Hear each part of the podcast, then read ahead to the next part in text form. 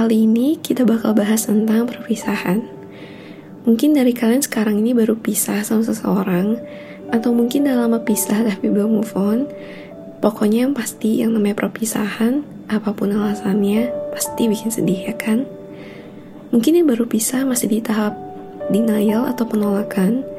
Jadi sekarang kalian sedih tapi ya belum pol gitu. Kayak masih gak nyangka kehilangan dia. Abisnya orang itu biasanya udah jadi bagian dari kebiasaan kalian. Biasanya aku sendiri, aku bagi jadi empat tahap. Yang pertama itu denial, yang tadi aku bilang. Jadi aku masih biasa aja, sedih juga ya, masih secukupnya gitu. Tahap yang kedua tuh biasanya baru sedih. Kayak sadar, ini aku gak bisa loh ketemu lagi sama dia. Ini aku gak bisa deket dan ngobrol kayak dulu lagi loh sama dia.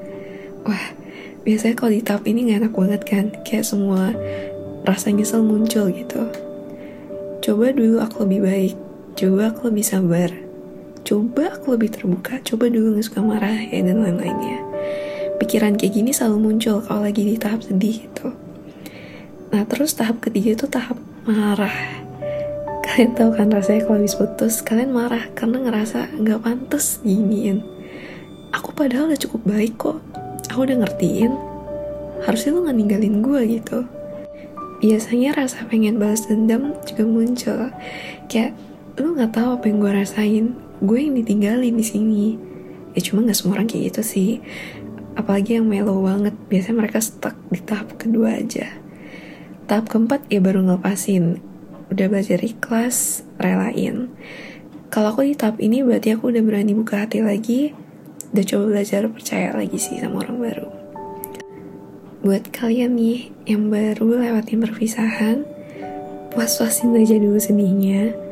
Kalian gak bakal bisa sembuh kalau kalian pura-pura gak kenapa-napa. Admit kalau kalian emang sedih dan sakit hati banget. Terima kalau kalian ditinggalin. Admit kalau kalian marah banget sama dia. Kalau kalian bisa nerima itu semua, kalian baru bisa move on sama belajar buat relain dia.